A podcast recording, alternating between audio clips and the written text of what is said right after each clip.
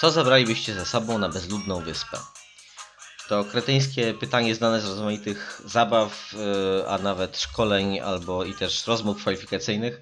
Można nieco sparafrazować i odnosząc je do historii Grenady, małego karaibskiego, obejmującego trzy wyspy i zamieszkanego dziś przez nieco ponad 107 tysięcy ludzi mm, i zapytać, jeżeli żylibyście w zacofanym gospodarczo maleńkim kraju, gdzie bezrobocie sięga 49 punktów procentowych i nawet ryby trzeba importować z zagranicy, chociaż to kraj wyspiarski, e, bowiem pod rządami lokalnego kleptokraty uznającego się za pomazańca Bożego liczą się głównie interesy jego rodziny i międzynarodowego kapitału, to co najbardziej chcielibyście w swojej ojczyźnie zobaczyć? A. Międzynarodowe lotnisko przystosowane do obsługi ruchu turystycznego i umożliwiające lądowanie wielkim samolotem towarowym. B. Nagłówki amerykańskich gazet obwieszczające, że to lotnisko będzie w istocie punktem umożliwiającym Sowietom i Kubańczykom przerzut broni dla latynoamerykańskich partyzantek. Albo C. Amerykańską interwencję zbrojną poprzedzoną zaprawianymi manipulacjami CIA, walkami frakcyjnymi w łonie nowych rewolucyjnych władz, e, zakończoną zamordowaniem premiera i jego zwolenników. Jeśli wybralibyście odpowiedź B lub C, to gratulacje, bo wasze wybory pokrywają się z tym, co rzeczywiście wydarzyło się w Grenadzie. Niestety mieszkańcom tego kraju owe wydarzenia przyniosły raczej chaos, strach i zatrzymanie dynamicznego rozwoju, który pozwolił grenadyjskiemu PKB rosnąć o ponad 5%, gdy w krajach zachodnich szalała recesja i traumę, yy, której efekty odczuwają do dziś. Dlaczego rewolucja w Grenadzie, która w 1979 roku oba- obaliła reżim e, Erika Geriego, niegdysiejszego organizatora związków chłopskich e, i bohatera pewnej społecznej rewolucji w 1951 roku, e, a potem niestety megalomańskiego autokraty terroryzu- terroryzującego przeciwników politycznych rękami tajnej policji jest ważna. Dlaczego powinny nas obchodzić wydarzenia z peryferyjnych karaibskich wysepek, gdy w tym samym czasie trwała rewolucja w Nikaragui, w południowej Afryce Afrykański Kongres Narodowy walczył z apartheidem, również przy użyciu broni, e, a w Polsce rodziła się Solidarność. Unikalny ruch społeczny wyrosły ze związków zawodowych. By wymienić tylko kilka przykładów mm, ważnych politycznych mobilizacji z przełomu lat 70. i 80. XX wieku. No, choćby dlatego, że jak w soczewce skupiły się w grenadyjskiej rewolucji kluczowe aspekty globalnych i lokalnych walk z imperializmem, kolonializmem biurokracją. Ponadto internacjonalistyczny wymiar przewrotu dokonanego na, przez New Jewel Movement e, jest niezwykle istotny i pozwala dostrzec wagę porozumienia między afrykańskimi, afrokaraibskimi i latynoamerykańskimi ruchami em- emancypacyjnymi.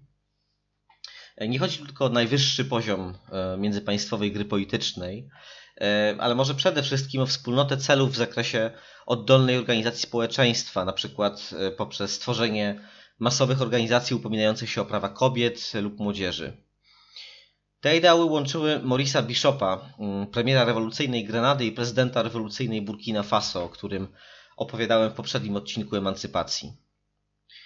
W jedynym, lecz jakże mocnym przemówieniu, e, jakie Bishop miał okazję wygłosić jako, e, jako premier Grenady na amerykańskiej ziemi, e, to było w Hunter College w Nowym Jorku w 1982 roku, na rok przed ostatecznym zgładzeniem rewolucji, e, przypominał, że pośród najważniejszych zadań rewolucji jest wyzwolenie kobiet z niewolniczej opresji. Opresji o kolonialnym rodowodzie, która była ochoczo podtrzymywana przez e, reżim Gary'ego. Za czasów dyktatora, któremu królowa Elżbieta II, mm, formalnie wciąż zwierzchniczka Grenady, nadała tytuł szlachecki, bezrobocie kobiet osiągnęło dramatycznie wysoki poziom. Kobiety intencjonalnie zatrzymywano w domach jako kucharki, praczki i niańki obsługujące rodziny. Mm, Powszechną praktyką było e, natomiast e, mm, dawanie im zatrudnienia w sektorze publicznym w zamian za seks. E, Tak powszechną, że premier rewolucyjnego rządu Coy Róż wspominał o niej e, na międzynarodowych spotkaniach, podkreślając, że jest to element kolonialnego dziedzictwa, zakorzeniony również w umysłach wielu mężczyzn, utożsamiających się z trwającym projektem rewolucyjnym. Zacznijmy jednak od początku. Grenada to jedno z najmniej ludnych państw świata. Diaspora grenadyjska rozrzucona po różnych krajach, e, zwłaszcza liczna w Wielkiej Brytanii, Kanadzie i Stanach Zjednoczonych, znacznie przewyższa liczbowo populację trzech wysp tworzących Karaibską Republikę. E, te wyspy to Grenada, Carriacou i Petite Martinique. Liczne francuskie słowa w nazwach geograficznych tego zakątka Karaibów to spuścizna francuskiego panowania kolonialnego. Jego najważniejszym efektem było wyrżnięcie w pień Karibów, autochtonicznej ludności Grenady. Po brutalnej eksterminacji tych tzw. Tak Indian przez francuskich barbarzyńców z Bogiem i królem na ustach, wyspa została kupiona e, przez barbarzyńców brytyjskich. Dokończyli oni dzieła przekształcenia Grenady w gigantyczną plantację trzciny cukrowej, e, na którą sprowadzano do katorżniczej pracy afrykańskich niewolników. Francuski Code Noir wprowadzał następujące kary dla niewolników. Code Noir, czyli kodeks prawa kolonialnego, tak powiedzmy w bardzo dużym uogólnieniu i skrócie. E, więc ten Code Noir wprowadzał następujące kary dla niewolników, którzy usiłowali uciec z plantacji. Mm, za pierwszą próbę obcinano uszy i wypalano znak na ramieniu. E, za drugą obcinano pośladki i oznaczano drugie ramię. E, natomiast trzecia próba oznaczała natychmiastową egzekucję w przypadku schwytania marudera. Karę uzupełniał rzecz jasna zestaw sankcji ekonomicznych. Mm, warto wspomnieć, że to zbrodnicze prawo wprowadzone w 1685 roku za panowania Ludwika XIV mm, nakazywało również deportację wszystkich Żydów i Żydówek z francuskich kolonii, e, zakazywało praktykowania jakiejkolwiek innej religii niż katolicka mm, oraz wprowadzało obligatoryjny chrzest niewolników.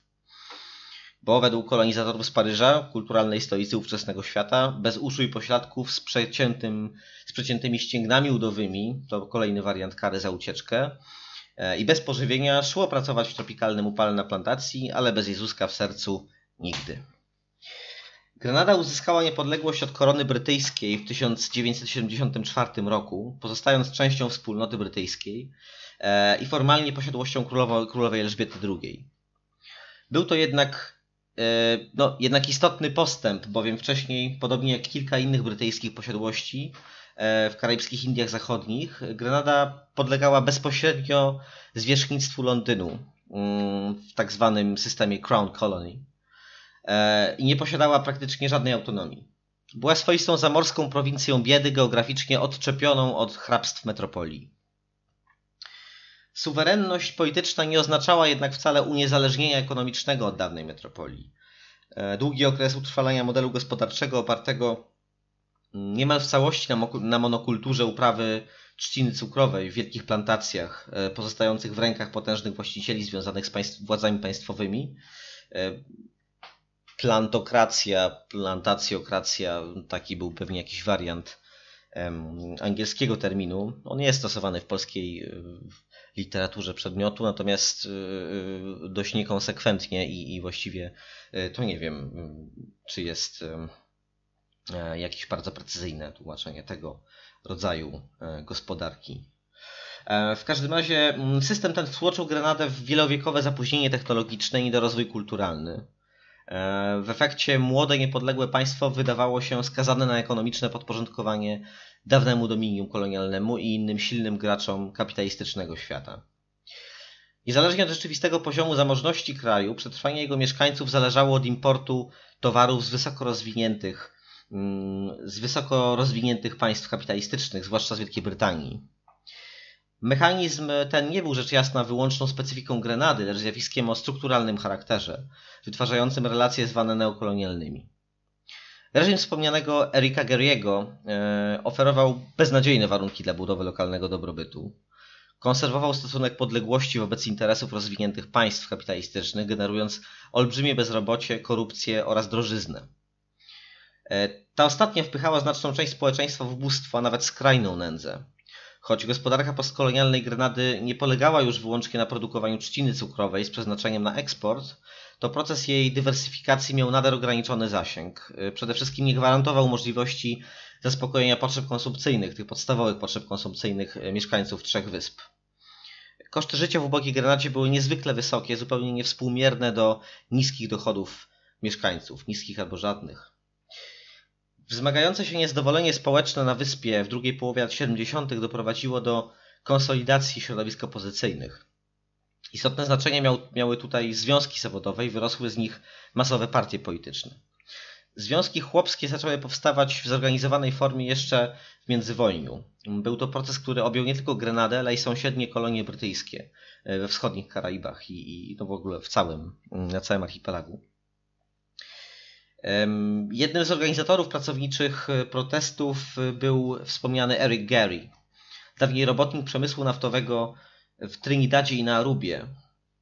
W latach 40. i 50. E, był jeszcze bohaterem ludowym swego rodzaju, jedną z ważnych postaci fali strajkowej, która ogarnęła wówczas obszar Federacji Indii Zachodnich mm, i doprowadziła no, do nadania przez Londyn karaibskim koloniom nowej konstytucji w cudzysłowie, w każdym razie nowego wprawa, prawa, które wprowadzało e, między innymi powszechne prawo wyborcze. Wraz ze wzrostem politycznej siły przebicia i popularności Gary'ego rosły też jego ambicje osobiste. Kiedy w 1974 roku Grenada uzyskiwała niepodległość, Gary miał już za sobą szereg politycznych wzlotów i upadków, które zaliczył jako wysoki urzędnik administracji kolonialnej. Od ścisłej współpracy z Londynem stosunkowo płynnie przechodził w stan jego niełaski. Główną siłę grandyjskiego, grandyjskiego społeczeństwa Gary wydawał się dostrzegać w interesach niewielkiej, lecz wpływowej lokalnej burżuazji e, i grup, które bywają określane jako tamtejsza klasa średnia, choć moim zdaniem jest to raczej nieuprawniona generalizacja, e, no, w takim, takim socjologicznym sensie, ale powiedzmy te średnio zamożne warstwy e, społeczeństwa. System społeczno-gospodarczy, który został ugruntowany po uzyskaniu niepodległości, był charakterystyczny dla młodych państw postkolonialnych. Ekonomiczna przepaść między wąską elitą lokalną posiadającą dostęp do rozmaitych kapitałów, a masami robotników rolnych i znacznie mniej licznych, choć zrzeszonych w relatywnie wpływowych związkach zawodowych, pracowników przemysłu stała się następnych, w następnych latach ogromna, a głównym środkiem porozumienia między klasami, porozumienia w tym wypadku oznaczającego kontakt w celu realizacji określonych interesów, e, raczej niż jakiejś wspólnej e, walki politycznej, stała się korupcja. W takim układzie społecznym gospodarka kapitalistyczna nie rozwija się dzięki ruchom podejmowanym w ramach gry rynkowej. To znaczy nie tylko nie, nie, nie gra rynkowa otwarta, powiedzmy, tak jest głównym motorem rozwoju. Po, po angielsku nazywa się to crony capitalism. E, termin ten nie daje się przekonująco przetłumaczyć na język polski, bowiem istotnie wydaje, e, istotne wydaje się tu emocjonalne zabarwienie słowa crony e, oraz jego polityczno-ekonomiczne konotacje. Być może kapitalizm patronacki nada się jako tako. Określenie kapitalizm kolesiowski może być tu pewną alternatywą. Sensem crony capitalism jest jeszcze większe niż w powiedzmy typowych wolnorynkowych relacjach kapitalistycznych znaczenie układów patronackich, mm, nepotyzmu i więzów elit gospodarczych z władzą polityczną. Choć zjawiska te można zaobserwować codziennie w każdej gospodarce kapitalistycznej, ich wyrazistość i kluczowa rola w podstawowych mechanizmach wytwarzania bogactwa rzeczywiście wydaje się fenomenem powtarzającym się w warunkach reorganizacji struktury społecznej po upadku kolonializmu. Nie chodzi jedynie o to, że powstaje nowa burżuazja, która przenika się z cywilnym lub wojskowym aparatem władzy i wprowadza oraz utrwala neokolonialną pępowinę. E, ważna jest skala wpływu nepotyczno-patronackich relacji na ogół życia gospodarczego e, oraz ich nieodzowność dla podtrzymania modelu gospodarczego. Choć ekonomiści i teoretycy społeczni nie są zgodni co do zasadności posługiwania się terminem crony capitalism dla oznaczenia faktycznego systemu stosunków produkcji, e, nie ulega wątpliwości, że znaczenie zależności osobistych o ewidentnie feudalnym rysie oraz tworzenie układów nepotycznych pełni szczególną rolę w państwach zacofanych gospodarczo i odznaczających się słabą oraz niestabilną demokracją. Nie musi zresztą chodzić jedynie o demokrację liberalną w jej najpowszechniejszym mm, rozumieniu. Sądzę, że zasadne jest też uznać za typową cechę crony capitalism tendencję do wulgaryzacji i manipulacji interesów klas ludowych przez elitę władzy, która ostatecznie ma prowadzić do pacyfikacji tych klas, choć bez e, jakby oficjalnego piętnowania czy zakazywania języka i symboli emancypacji politycznej. W przypadku reżimu Eryka Gary'ego po 1974 roku przykładem może być tu um, jego inicjatywa zwracania ziemi tym, którzy jej nie posiadają. Hasło to, które mogłoby stać się podstawowym elementem e, reformy rolnej mm, w dowolnym zakątku świata, odnosiło się jednak do zupełnie innego przedsięwzięcia e, uwłaszczenia granadyjskiej burżuazji. Grunty rolne zostały rozdane lojalnym przywódcom, to znaczy lojalnym wobec przywódcy politykom, urzędnikom i innym przedstawicielom aparatu państwowego, mm, a także niewielkiemu gronu lokalnych y, bogaczy. Stali się oni częściowo swoistymi ajentami produkującymi na przykład przyprawy na terenach e, w rzeczywistości kontrolowanych przez amerykańskie i brytyjskie korporacje, mm, a częściowo prywatnymi latyfundystami. Jeśli chodzi o te przyprawy, to one są współcześnie największym, najważniejszym te, y, towarem eksportowym Grenady i właściwie podstawą produkcji rolnej w tym kraju. Gałka muszkatołowa na przykład jest no, takim podstawowym bogactwem mm, tej y, malowniczej, turystycznej Republiki mm, Karaibskiej. E, wróćmy do lat 70. Y, Wówczas potencjał gospodarczy tego kraju był wielokrotnie mniejszy niż w krajach najczęściej kojarzonych e, z latyfundiami mm, i postkolonialnym wielkoobszarowym rolnictwem, znanym choćby z Ameryki Łacińskiej. Jako tradycyjnie odpływowe państwo e, z diasporą poza swoimi granicami znacząco przewyższającą liczbę mieszkańców trzech wysp, Grenada borykała się z potężnym niekiedy niedoborem siły roboczej. E, system ochrony lokalnych interes, interesów lokalnej burżuazji e, zbudowany został więc e, w oparciu o import wszelkich dóbr, tak aby ograniczyć efekt ewentualnych zaburzeń produkcji spowodowanych strajkami i protestami społecznymi. A jednocześnie całkowicie uzależnić pracowników od woli grenadyjskich posiadaczy ziemi i zakładów przemysłowych nielicznych. Zatem ruch pracowniczy, dzięki któremu Gary zyskał pozycję głównego lidera społecznego Grenady, stał się e, też jego ofiarą. Kres epoki Gary'ego poprzedził rozwój ruchu oporu społecznego, na czele którego stanęli młodzi ludzie z klasy średniej, a więc z uprzywilejowanego sektora biednego grenadyjskiego społeczeństwa. Odrzucali oni jednak system zależności, który pozwalał członkom ich rodzin i najbliższego społecznego otoczenia E, osiągać mniejsze bądź większe, trwałe lub nie sukcesy materialne. Wśród młodych buntowników wyróżniał się Maurice Bishop. Jego rodzinę stać było na wysłanie go na studia prawnicze do Londynu. Tam Bishop został współzałożycielem jednym z liderów organizacji karaibskich studentów. Co istotne dla rozwoju jego lewicowej postawy politycznej, znaczenie miało nie tylko uczestnictwo w politycznym pobudzeniu lat 60. E, i młodzieżowym ruchu kontestacyjnym, ale Również studiowanie teorii i praktyki antykolonialnej mm, skoncentrowanej na specyfice geopolitycznej i historycznej Karaibów. Wywarła ona istotny wpływ na przyszłe polityczne barwy rewolucyjnego rządu Grenady, którego Bishop został premierem. Wśród licznych intelektualnych inspiracji Bishopa i jego otoczenia, oprócz klasyków marksizmu i myśli ówczesnych liderów tak, tak, tak wielu toczonych na świecie walk narodowo-wyzwoleńczych, Znalazł się jeszcze dorobek teoretyczny CLR Jamesa. Pochodzący z wielokulturowego Trinidadu i Tobago James to postać niesłychanie ważna dla dyskursu postkolonialnego. Mm, moim zdaniem wielokroć ważniejsza niż wielu intelektualnych bohaterów historii pod tytułem Teoria postkolonialna, mm, których warto wymienić jednym tchem podczas popijawy w akademicko-aktywistycznym gronie, e, by zaskarbić sobie szacunek zebranych. W 1938 roku ukazało się właściwie pionierskie e, dzieło Jamesa, The Black Jacobins, e, Toussaint l'Ouverture e, and the San Domingo Revolution. Nie przetłumaczono na polski do dziś mm, i wątpię, żeby, tak, żeby to się stało.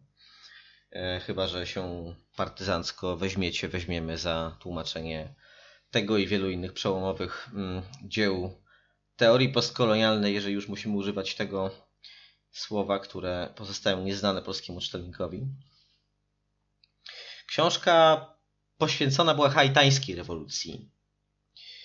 Autor podjął temat przemocy antykolonialnej, mm, długiego trwania stosunków opresji w kolonialnych posiadłościach, do których przygnano czarnych niewolników, aby eksploatować ich siłę roboczą, wprowadzając nową jakość do refleksji nad kolonializmem i antykolonializmem. Przypominam, 38 rok y, to data publikacji tej pracy. E, jednocześnie James zajmował się badaniami nad ruchami rewolucyjnymi, w tym także nad historią międzynarodówki komunistycznej. Był działaczem trockistowskich ugrupowań Wielkiej Brytanii w Stanach Zjednoczonych, krajach, między które podzielił znaczną część dorosłego życia. Uczestniczył w latach 40. w pionierskich badaniach robotniczych, dziś kojarzonych głównie z włoskim operaizmem i postoperaizmem, mm, wśród zatrudnionych w przemyśle samochodowym w Detroit. E, James był marksistą i trockistą, choć jego relacje z ruchem trockistowskim uległy znacznemu rozluźnieniu, jeśli wręcz nie zerwaniu e, w późniejszych latach jego życia, gdy deklarował się jako zwolennik socjalizmu bezpaństwowego. To może nie było, nie wiem czy to określenie padło z jego ust, ale e, tak pisano o jego stanowisku politycznym i on również sam dawał temu wyraz. Tak? To nie jest tylko rzecz wywiedziona z mm, interpretacji innych osób. Bishop powrócił do Grenady z dyplomem prawnika w roku, w roku 1970.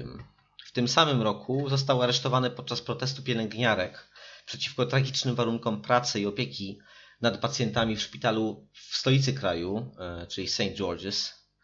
E, demonstracja przerodziła się w znacznie większy niż planowano akt oporu, gdy przyłączyły się do niej inne grupy zawodowe.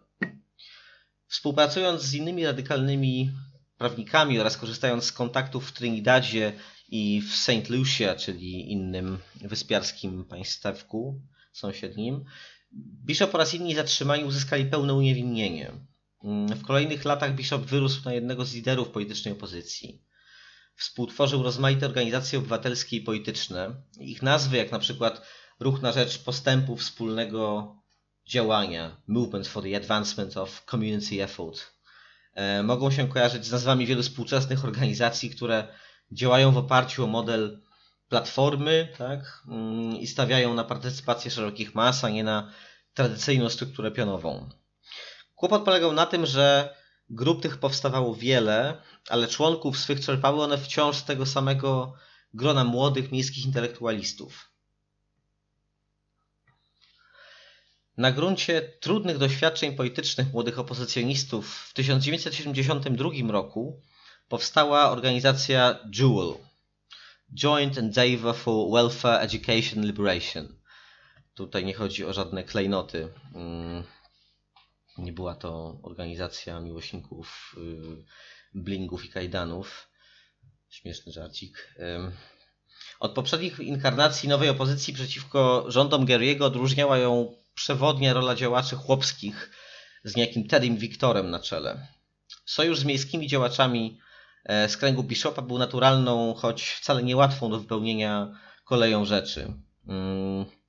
Wiktor mm. i jego towarzysze stawiali bowiem przede wszystkim na oddolną edukację zacofanych, często niepiśmiennych mas chłopskiej biedoty i początkowo nie dążyli do budowy typowej partii politycznej. Pod względem ideowym Jewel nie pozwalał się łatwo zaklasyfikować. Jak wspomniałem, E, w założeniu jego twórców e, nie miał stanowić stricte politycznej organizacji. Zatem sprecyzowana tożsamość ideologiczna nie wydawała się priorytetowym zagadnieniem. Na zebraniach ruchu odwoływano się zarówno do religii. Tutaj warto podkreślić, że Grenada w ten pejzaż e, wyznaniowy tego kraju mocno się zmieniał, zresztą jak, jak całych Karaibów E, a także państw no, kulturowo związanych z Karaibami, tak jak w Ameryce Południowej, jak Gujana na przykład. On, ten dzisiejszy że tak powiem, diagram wyznań jest e, no, nieporównywalny z tym, co było w latach 70. ze względu na wzrost znaczenia kościołów pentekostalnych, tak, kościołów ewangelickich. Natomiast wówczas Y, katolicyzm był tą religią dominującą w Grenadzie, zdecydowanie dominującą, pomimo faktu, że y, to Wielka Brytania w większości anglikańska i też zaświadczona mocno była tym dominium kolonialnym długo utrzymującym, no i wciąż częściowo utrzymującym władzę w Grenadzie. Katolicyzm jest spuścizną po zamordystycznym kolonializmie francuskim, wówczas przesyconym bardzo katolicką treścią religijną. E, ale zostawmy to, wróćmy do, do tożsamości ideologicznej Jewel. E, jak wspomniałem, modlitwy, mm, tak, ta religia i modlitwy stały, stały się no, stałym elementem mm, spotkań mm, tego ugrupowania. Podobnie zresztą, jak i no, raczej ogólnie przedstawiane myśli Karola Marksa. Dość prędko padła propozycja zjednoczenia Jewel i grup związanych z Maurice'em Bishopem, które funkcjonowały głównie w środowisku miejskiej inteligencji. Inicjatorem tej fuzji był Unison Whiteman. Tak w, tak w 1973 roku powstał New Jewel Movement. Kwestią najwyższej wagi od początku była dla tego ruchu strategia dalszego postępowania pogłębiającego, e, dalszego postępowania wobec pogłębiającego się kryzysu ekonomicznego w regionie i fiaska różnych inicjatyw politycznych mających za zadanie stworzenie ram ustrojowo-administracyjnych, które pozwoliłyby wschodnio-karaibskim państwom wyspiarskim skutecznie się rozwijać i uzyskać więcej swobody politycznej. Upadek federalistycznych projektów pod zwierzchnictwem korony brytyjskiej stanowił bodziec dla perspektywy niepodległościowej. Głównym rozgrywającym w procesie uzyskiwania niepodległości był jednak Eric Gary.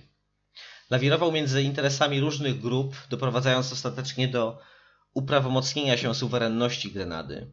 New Jewel Movement był krytycznie nastawiony do kształtującego się modelu grenadyjskiego parlamentaryzmu, dostrzegając w nim przejawy najbardziej szkodliwych tendencji E, w lokalnej polityce.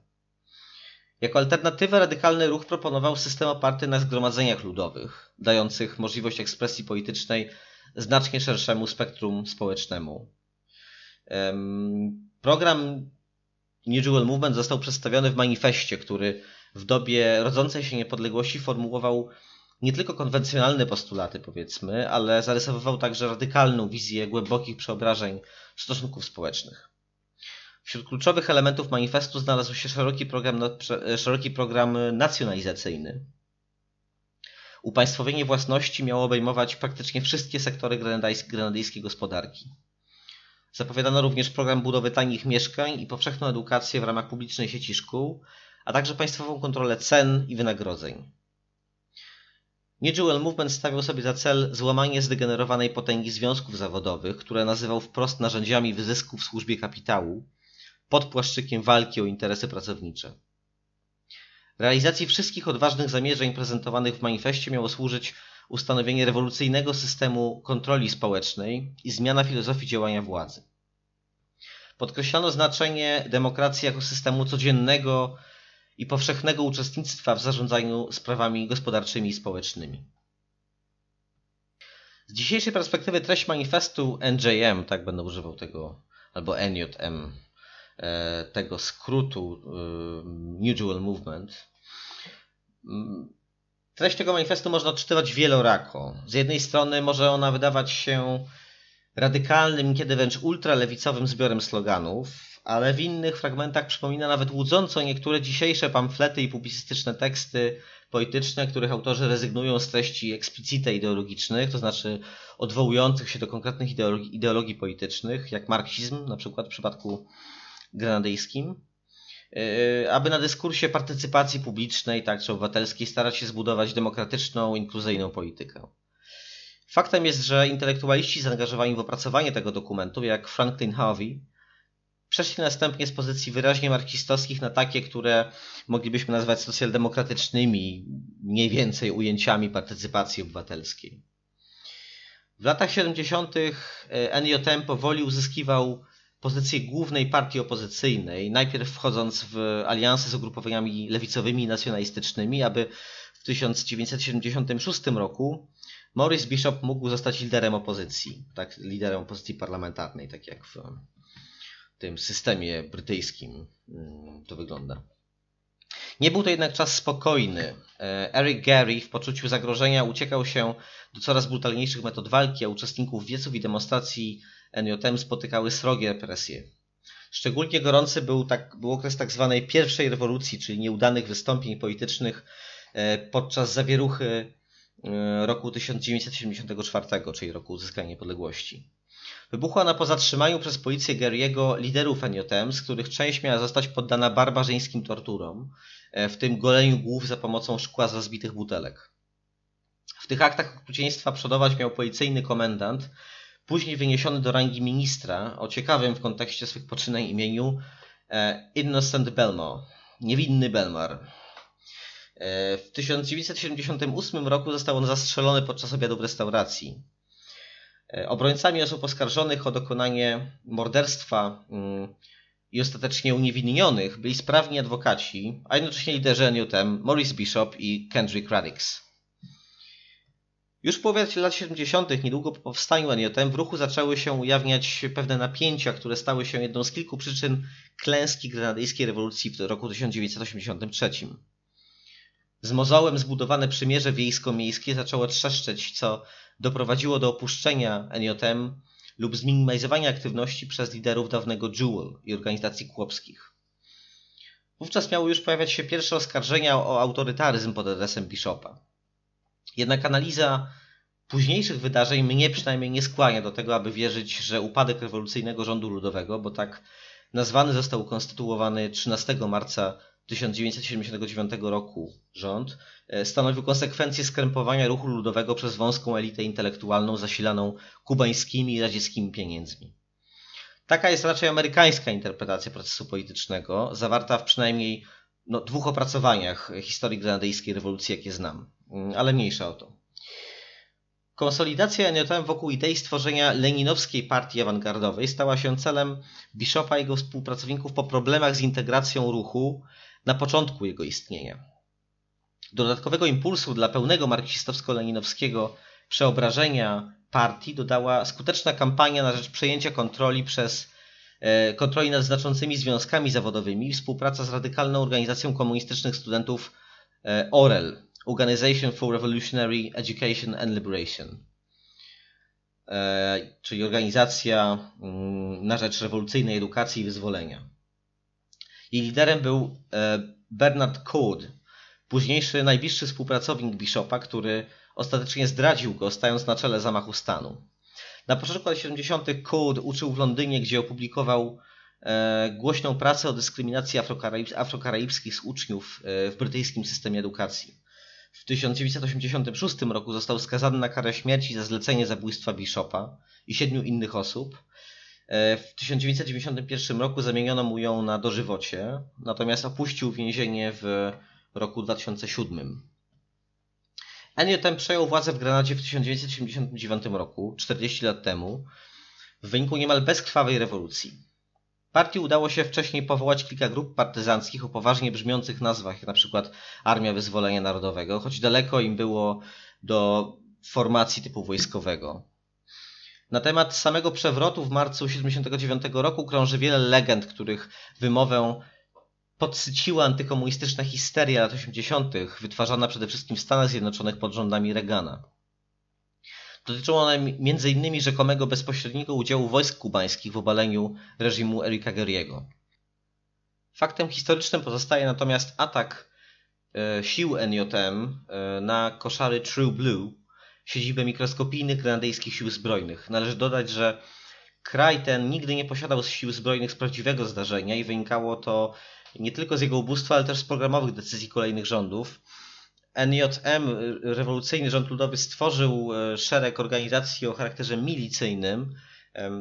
Też takie szczątkowe siły zbrojne, w sensie wojsko, istniało e, w Grenadzie, natomiast mm, no, nigdy nie posiadała ona armii tak dobrze uzbrojonej, jakby z taką typową hierarchią, e, rozbudowaną hierarchią wojskową i tak dalej. Nad ranem 13 marca 1979 roku Maurice Bishop obwieścił w radiu zdobycie władzy przez NJM. Przewrót miał charakter dość pokojowy, dość spokojny może raczej, a, przez, a przedstawiciele obalonego aparatu e, z samym Garym na czele nie zostali zabici, lecz co najwyżej uwięzieni. Dotyczyło to, dotyczyło to nawet e, tak zwanego gangu Mongoose, czyli nieformalnej bezpieki zorganizowanej przez Gary'ego. Gary opuścił wyspę i osiadł w Stanach Zjednoczonych. Powrócił w 1983 roku i usiłował ponownie zdobyć władzę w wyborach, co mu się jednak nie udało. Cały zamach stanu udało się przeprowadzić w jeden dzień. Cynthia Gary, żona upadłego dyktatora, e, podobno rzeczywiście z własnej woli nawet, udała się do zgłośni Radia Grenada, aby wygłosić apel o pokojowe wsparcie nowej władzy i wspólne budowanie dobrobytu w nowej rzeczywistości politycznej. Kierownictwo NJM stanęło przed trudnym wyzwaniem przekonania sąsiednich państw do uznania nowego grenadyjskiego reżimu e, i odparcia oskarżeń o bycie ugrupowaniem komunistycznym sprzymierzonym z ZSRR. Bishop przekonywał od samego początku, że celem NJM nie jest mm, wprowadzenie radzieckiego socjalizmu na trzech wyspach, a polityczny program partii został jasno wyłożony we wspomnianym wcześniej manifestie. Dyplomatyczna batalia rozgrywała się równolegle do działań zmierzających e, no, do rewolucyjnego przekształcenia stosunków społecznych na wyspie, czy na trzech wyspach. Pierwszym państwem, które podjęło współpracę gospodarczą i wojskową z rewolucyjną Grenadą nie była e, wcale Kuba, jak mogłoby się wydawać z różnych opisów historycznych, lecz Gujana. Gujana, mm, państwo wielokulturowe, również niezbyt e, e, gęsto zamieszkane, z stosunkowo niewielką liczbą mieszkańców, ale o niesłychanym pejzażu kulturowym. Mm, obecnie w Gujanie największą religią jest hinduizm, ponieważ w Trinidadzie e, społeczność imigrantów z mm, Indii jest bardzo, bardzo duża. No, imigrantów albo ludzi osiedlonych tam przymusowo jeszcze przez Brytyjczyków. Gujana no, bliska kulturowo bardzo e, Grenadzie mm, była tym pierwszym e, sprzymierzeńcem. Jednak Bishop obierał wyraźnie prokubański kurs już od początku. Wewnętrzna opozycja w początkach rewolucji pozostała względnie silna natomiast, e, co w 80 roku e, zaowocowało e, no, zamachem bombowym autorstwa podobno właśnie tego Mongoose Gang. Mm, zamachu na Bishopa i kierownictwo NJM, a także na kubańskiego ambasadora. Mm, to było podczas państwowej uroczystości. E, ofiarami byli cywile. E, to była niewielka liczba ofiar śmiertelnych, ale jednak, tak, tam zdaje się, że też dzieci, czy w każdym razie osoby bardzo młode były mm, ofiarami tego zamachu. Rewolucyjny rząd szybko przystąpił do wprowadzania systemu subwencjonowania produkcji rolnej e, i nowego prawa pracy. Z wzorów kubańskich korzystano podczas wielkiej kampanii alfabetyzacyjnej i przy rozbudowie infrastruktury ochrony zdrowia. Pamiętajmy, że mówimy wciąż o maleńkim państwie, gdzie powstanie siedmiu nowych klinik dentystycznych na trzech wyspach w miejsce wcześniejszej jednej oznaczało niewyobrażalny skok cywilizacyjny. 50 tysięcy Grenadejczyków, a więc istotna część populacji, mogła poddać się badaniom lekarskim realizowanym przez kubańskie zespoły medyczne, e, które przybyły do kraju w ramach kubańskiego internacjonalizmu medycznego. Oficjalne dane rządowe wzywały, wskazywały spadek przestępczości o 75% do marca 1981 roku y, w porównaniu z ostatnim okresem rządów Geriego. Uruchomiono produkcję w kilku sektorach wcześniej całkowicie zależnych od importu, jak na przykład w przemyśle drzewnym. Powstała także fabryka perfum, której struktura własnościowa wymykała się trochę socjalistycznym pryncypiom. Była to spółka z udziałem rządu Grenady, przedsiębiorstw europejskich i prywatnego kapitału kilku Grenadyjczyków. Wśród licznych programów społecznych ważne miejsce zajmowało Centrum Edukacji Ludowej. Z pomocą kubańskich pedagogów udało się zrealizować ambitny plan kształcenia dorosłych w podstawowych dziedzinach wiedzy, jak oprócz umiejętności czytania i pisania, rzecz jasna, matematyka, język angielski, fizyka, geografia i historia Grenady. Równie istotny był program kompleksowego dokształcania zawodowego pracowników zorientowany na doskonalenie umiejętności kadr przemysłu. Kiedy słyszymy pomoc kubańska, e, no to wiele osób będzie mieć z tyłu głowy pytanie o ukryty wymiar tej pomocy. Oddajmy więc na chwilę głos Morrisowi Bishopowi, który mówił o kubie, kubańskim internacjonalizmie w bardzo sugestywny sposób. If there were no Cuban internationalist troops in Angola, how long ago would the South African apartheid monster have overrun Angola with the assistance of several Western powers? They can choose their South African and their Haitian and Chilean and South Korean and every piece of dictator friends they wish. That is okay. But we can't choose our friends. Because we're too small and poor to have the rights to choose. They like to talk a lot about backyard and front yard and lake. Grenada ain't nobody backyard and part of nobody lake. walka zbrojna przeciwko apartheidowi, wspieranie rewolucji antykolonialnych ludzi dążących, społeczeństw dążących do wyzwolenia w trzecim świecie. No ale cóż, przecież w ten sposób przeważnie rozpatruje się zaangażowanie międzynarodowe Kuby. Czegoż innego niż eksportu komunistycznego spisku mógłby chcieć krwawy reżim Fidela Castro. E, cóż, e, żadnych złudzeń, panie i panowie, mm, nawiązując mm, do e, znanego powiedzenia innego dyktatora.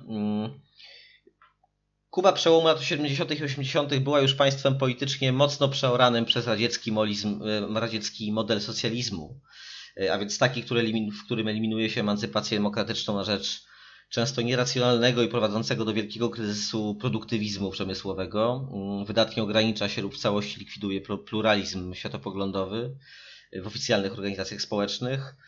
No a władze umacnia się za pomocą aparatu wojskowo-policyjnego o potężnych wpływach, organizuje masowe więzienia, obozy pracy i reedukacji, inwigiluje i torturuje się ludzi itd. Tak e, jednak logika, która każe postrzegać internacjonalizm wszystkich krajów socjalistycznych, a szczególnie Kuby, jako po prostu sowiecki kolonializm, w mojej ocenie jest nie dość, że błędna, e, to jeszcze służy zaciemnieniu realnego obrazu gry sił w tzw. Tak trzecim świecie w czasach zimnej wojny.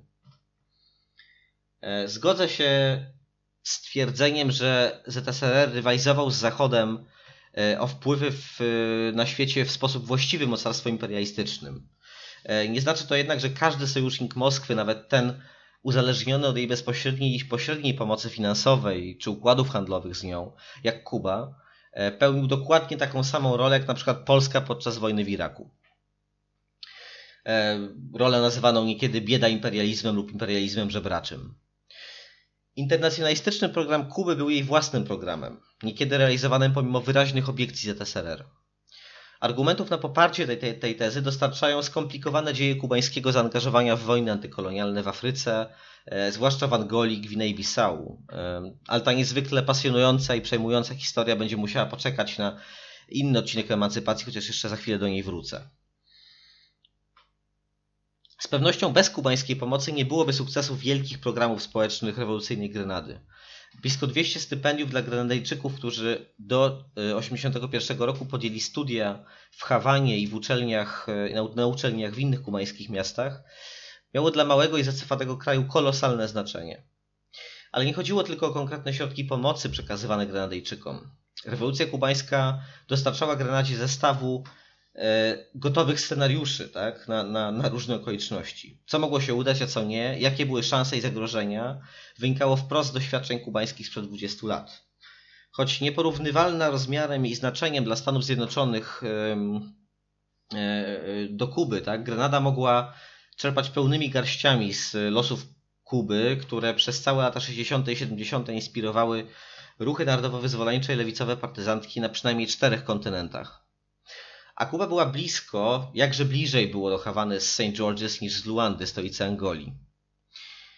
W jedynym przemówieniu, które Bishop wygłosił na amerykańskiej ziemi już jako szef rewolucyjnego e, rządu, e, wspomnianym na początku, e, bo w latach 70. objeżdżał on amerykańskie i kanadyjskie miasta, zbierając polityczne i materialne wsparcie karaibskiej diaspory dla NUTM.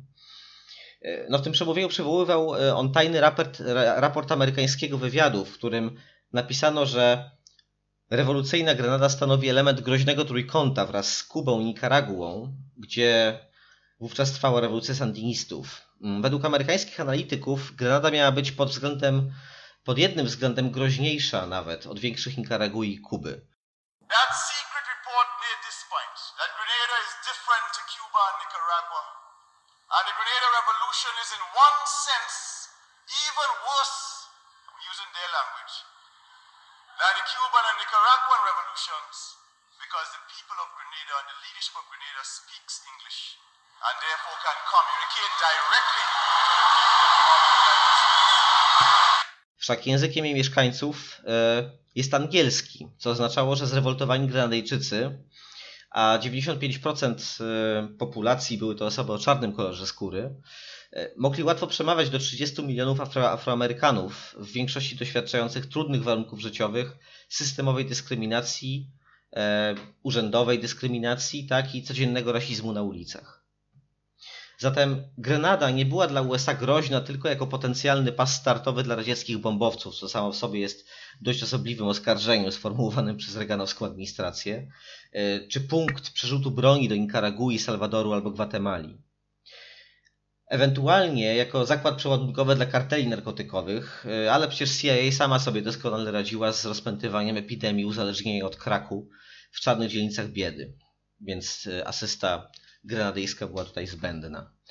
Skuteczna rewolucja na wschodnio-karaibskich wyspach oznaczała dla USA, że relatywnie blisko amerykańskiego terytorium u władzy znalazł się ruch określający się wprost jako antyimperialistyczny, antykapitalistyczny i wysuwający hasło emancypacji czarnej ludności w, w celu przekucia go w praktykę, no i szukający w tym celu bliskiej współpracy z Kubą, która wcześniej udowodniła, że pokonanie serwilistycznego w stosunku do wszechpotężnej Ameryki reżimu e, uciskającego ubogie społeczeństwo jest jednak możliwe.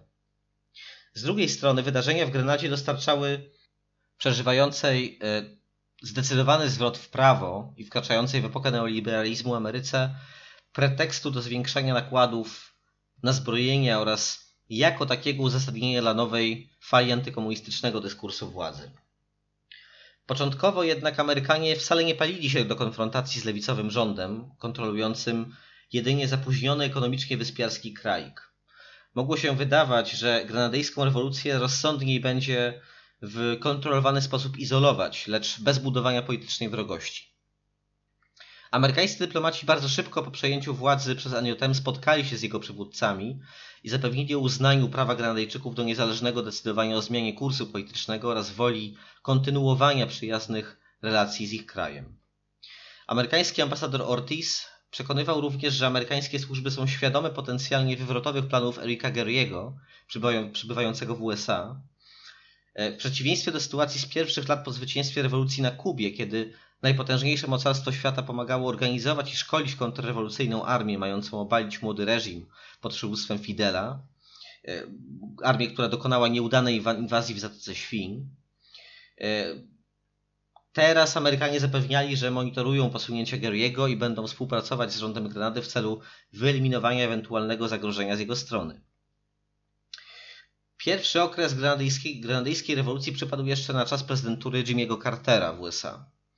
Carter reprezentował nurt w łonie Partii Demokratycznej, który łączył wartości wywiedzione z ortodoksyjnego protestantyzmu z elementami progresywnymi. Polityka zagraniczna Cartera była pełna sprzeczności wynikających z zimnowojennej gry. Choć miał dążyć on do poprawy stosunków amerykańsko-kubańskich w celu ustabilizowania sytuacji w rejonie Karaibów oraz Ameryki Łacińskiej, zaangażowanie Kuby w priorytetowej dla administracji Cartera mm, południowej części Afryki, to była istotna zmiana w polityce w stosunku do administracji Nixona, który południową Afryką właściwie w ogóle się nie interesował. E, a potem także mm, w wojnę w Ogadenie stało się przeszkodą dla jakiejkolwiek istotnej zmiany w relacjach dyplomatycznych. Kubańczycy, Kubajczycy skierowali do Angolii w połowie lat 70. znaczące siły, które wsparły lewicową MPLA przy bardzo dużym poparciu e, społecznym na Kubie dla tego kroku. E, miały, wsparły one lewicową MPLA w walce przeciwko portugalskiemu kolonializmowi, a potem e, także przeciwko proamerykańskim i okresowo prochińskim organizacjom partyzanckim. Kubańczycy wspierali także SWAPO, mm, organizację walczącą o niepodległość, o niepodległość Namibii od RPA. E, Carter starał się tutaj negocjować rozejm e, w tym starciu, ale SWAPO była, e, było zainteresowane końcem instytucjonalnego rasizmu, a rządzone przez białych nacjonalistów RPA no, chciała utrzymania apartheidu i wyłącznej kontroli nad złożami metali w szlachetnych w Namibii.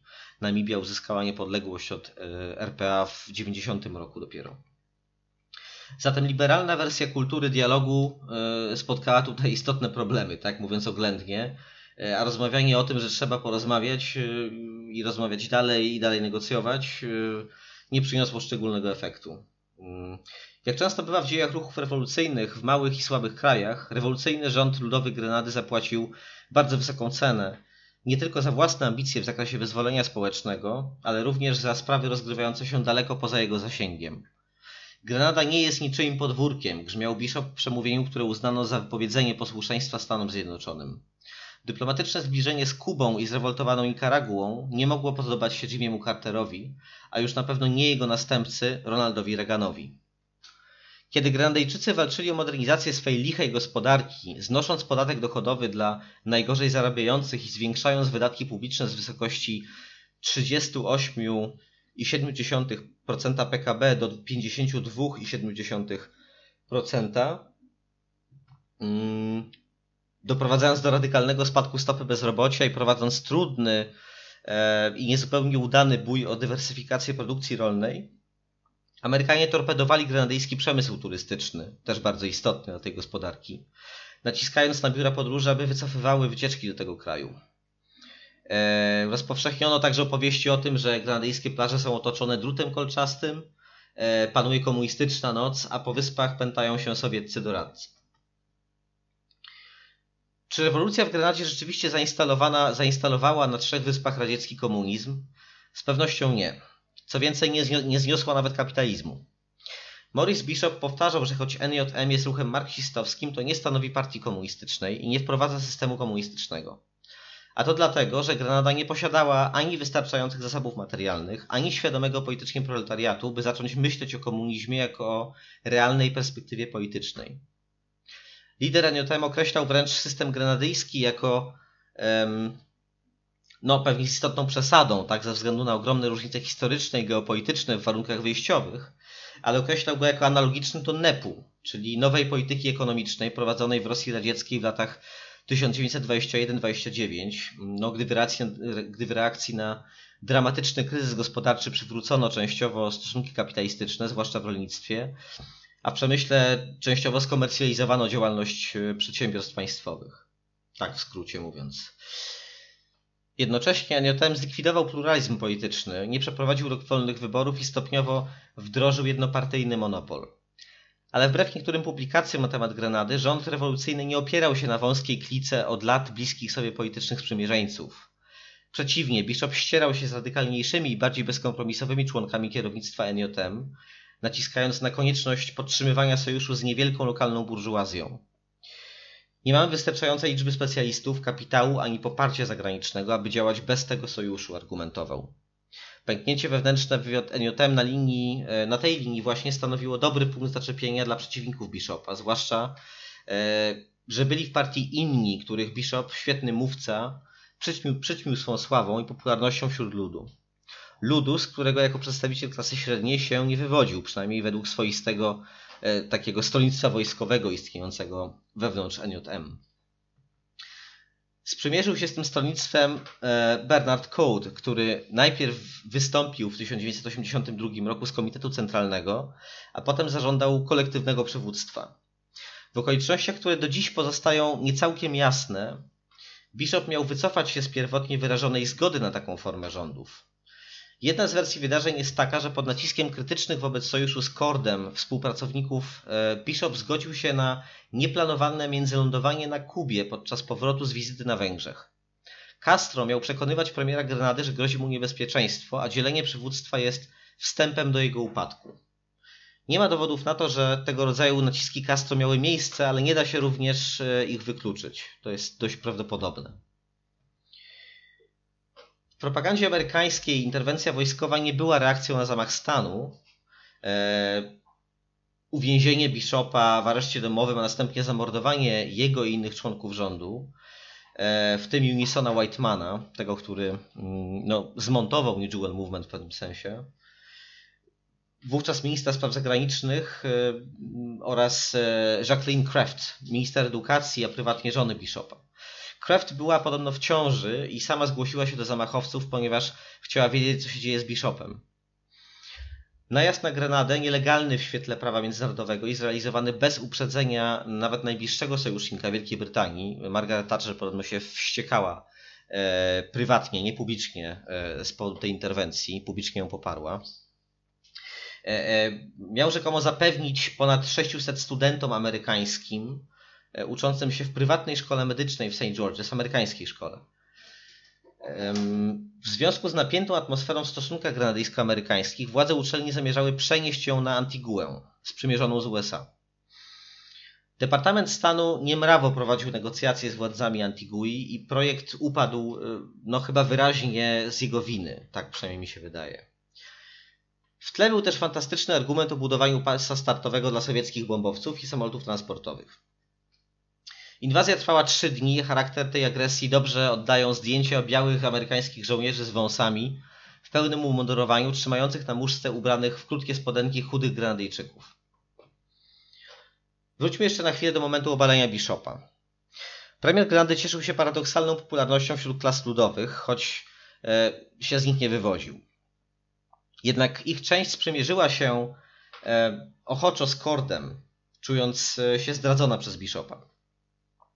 Wśród tych grup byli m.in. grandyjscy Rastafarianie.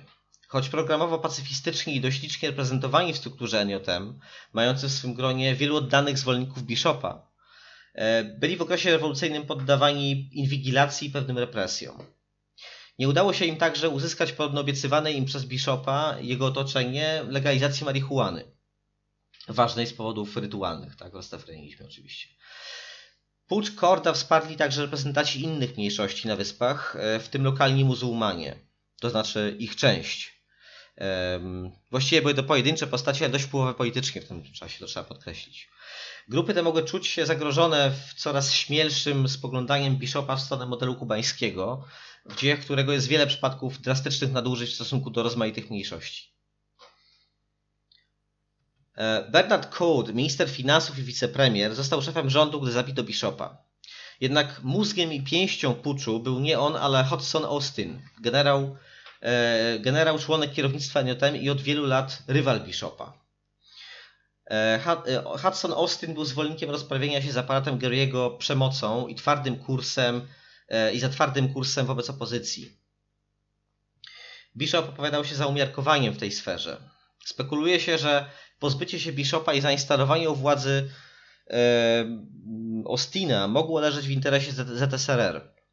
Choć źródła nie dostarczają tutaj historykom przekonujących e, dowodów na istnienie zakulisowego planu Moskwy.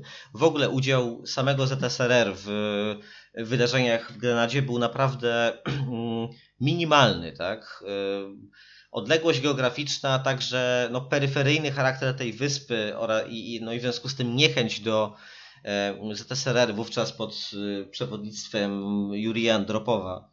E, no, niechęć do angażowania tak istotnych i, i widocznych sił w, we wsparcie procesu rewolucyjnego w tak małym kraju i niewiele znaczącym na arenie międzynarodowej, no tutaj była oczywista. Cole został szybko odsunięty przez Ostina, mm, lecz dalsze rozgrywki w aparacie władzy przerwała interwencja amerykańska. W jej następstwie u władzy znaleźli się zupełnie inni ludzie, a rewolucyjne przemiany zakończyły się definitywnie. Teraz, jeśli rewolucja grandyjska może powiedzieć nam coś o uniwersalnym znaczeniu, to chyba to, że istnieje pewien model wyłaniania się i zmierzchu lokalnych rewolucji, które znajdują się w kleszczach imperializmów i postkolonialnych relacji gospodarczych oraz społecznych. Skrótowo można rzecz opisać następująco. 1. Kraj uzyskuje niepodległość od dominium kolonialnego, u władzy znajduje się lokalna burżuazja popierana przez znaczną część klas ludowych. 2. Wobec problemów gospodarczych i chęci utrzymania władzy, burżuazja zacieśnia neokolonialne więźni z dawną metropolią. 3. Narasta niezadowolenie jest wywołane pauperyzacją, nierównościami społecznymi, korupcją i nepotyzmem. 4. W wyniku rewolucji, zamachu stanu, puczu wojskowego, ale także wyborów lub innego wydarzenia, władzę zdobywa środowisko postępowe o różnym składzie klasowym. 5. Nowy rząd zaczyna wprowadzać szeroko zakrojone reformy społeczne, które oscylują między programem radykalnej socjaldemokracji i ruchu rewolucyjnego. W ramach walki z opozycją następuje mniejsza lub większa erozja demokracji. 6. Wewnętrzna gra o władzę w środowisku rządzącym, w której istotną rolę odgrywają czynniki klasowe oraz interesy obcych mocarstw prowadzi do pęknięć ideologicznych. E, szczególne znaczenie odgrywa wojsko, przeważnie forsujące reakcyjne interesy. 7.